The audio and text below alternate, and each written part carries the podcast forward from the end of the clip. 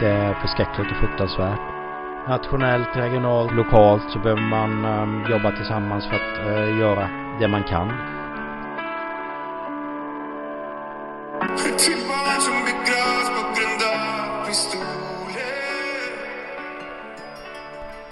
På senaste tiden har många gängkriminella börjat rekrytera barn på skolgårdar och antalet dödsskjutningar har också ökat i landet.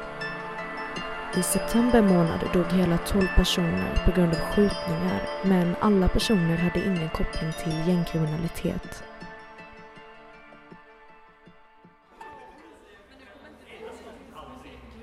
Förra månaden skedde det två skottlossningar i Jönköping men det är väldigt ovanligt. För att försöka sätta stopp på gängkriminaliteten som ökat har lokalpolitiker i Jönköping kommun skapat nya regler för eh, vistelse på skolgårdar utöver skoltid. Vi har ju tagit fram eh, ett antal regler som vi kallar ordningsregler för skolgård och det gäller ju då efter skoltid. Och syftet med det är att rektorer ska få ett stöd för att veta vilket regelverk som är lämpligt på sin skola, att styra upp sin skola vid behov då om det skulle vara någon som missbrukar eller någon som skräpar ner eller sånt så har man någonting att stödja sig på. Claes Tidanå, som är avdelningschef på utbildningsförvaltningen i Jönköping kommun, säger att de redan i somras beslöt att skolgårdar inte längre ses som en allmän plats. Så om jag uppfattar det rätt är det bara skolelever som får vistas där utöver skoltid då? Nej, alltså eh, sköter man sig och eh, går på skolgården lugnt och fint så är det inga problem eller så utan det är ju mer om man gör skadegörelse eller någonting kopplat till missbruk eller någonting som är olämpligt. Det kan vara att man låter sin hund eh, skräpa ner eller någonting sånt också men att eh, bara vistas och gå över en skolgård är inga problem.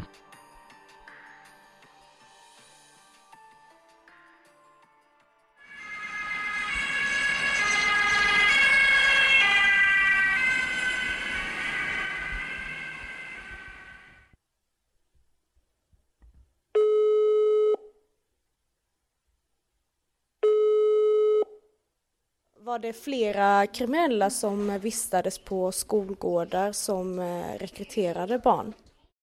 Vi har märkt under några år att befinner sig på skolgårdar, främst då på eh, skollov och på kvällar och under skoltid. Linus som är operativ samordnare för polisen i Jönköping säger också att narkotikan är det största problemet hos eh, unga i Jönköping och att det idag sprider sig till allt fler yngre personer. Det är väl det som är mest oroväckande. Var det svårare förut att avvisa kriminella personer från skolgårdar när det ansågs som allmän plats? Innan eh, så hade vi nog lite svårt att avvisa dem från platsen men nu har vi bättre lagstöd så att vi kan meddela dem att de har inte rätt till att vara på, på skolområden helt enkelt utan de får söka sig någon annanstans och hänga.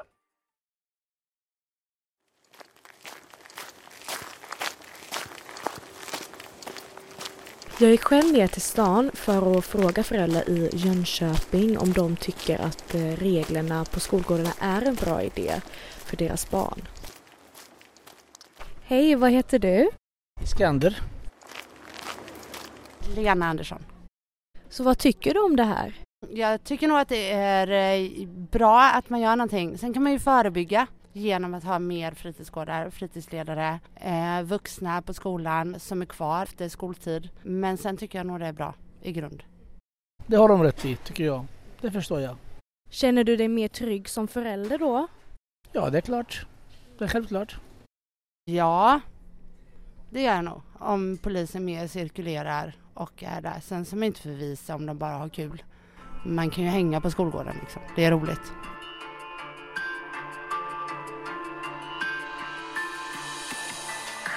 Förra året blev 63 personer ihjälskjutna i Sverige. Men i grannländerna Norge, Finland och Danmark så var siffran bara två till fyra stycken. Idag är det inte bara gängkriminella men också oskyldiga människor och barn som blir ännu fler offer. Några av de som dog var 71-åriga Erik Viri, 24-åriga Sua Saed och 13-åriga Milo. Ja, som många av er vet så ökar gängkriminaliteten och dödsskjutningarna i landet. Många svenskar har fått nog och de tycker att fler politiker måste ta sitt ansvar och göra något åt saken. Kommunpolitikern Claes Tidanor tycker att det är bra om fler kommuner gör som Jönköping och låter polisen få avvisa kriminella och stökiga personer från skolgårdar om det inte längre anses som en allmän plats. Detta kan ju vara en bra förebyggande lösning mot kriminalitet i landet eftersom allt fler kriminella rekryterar barn som leker på skolgårdar.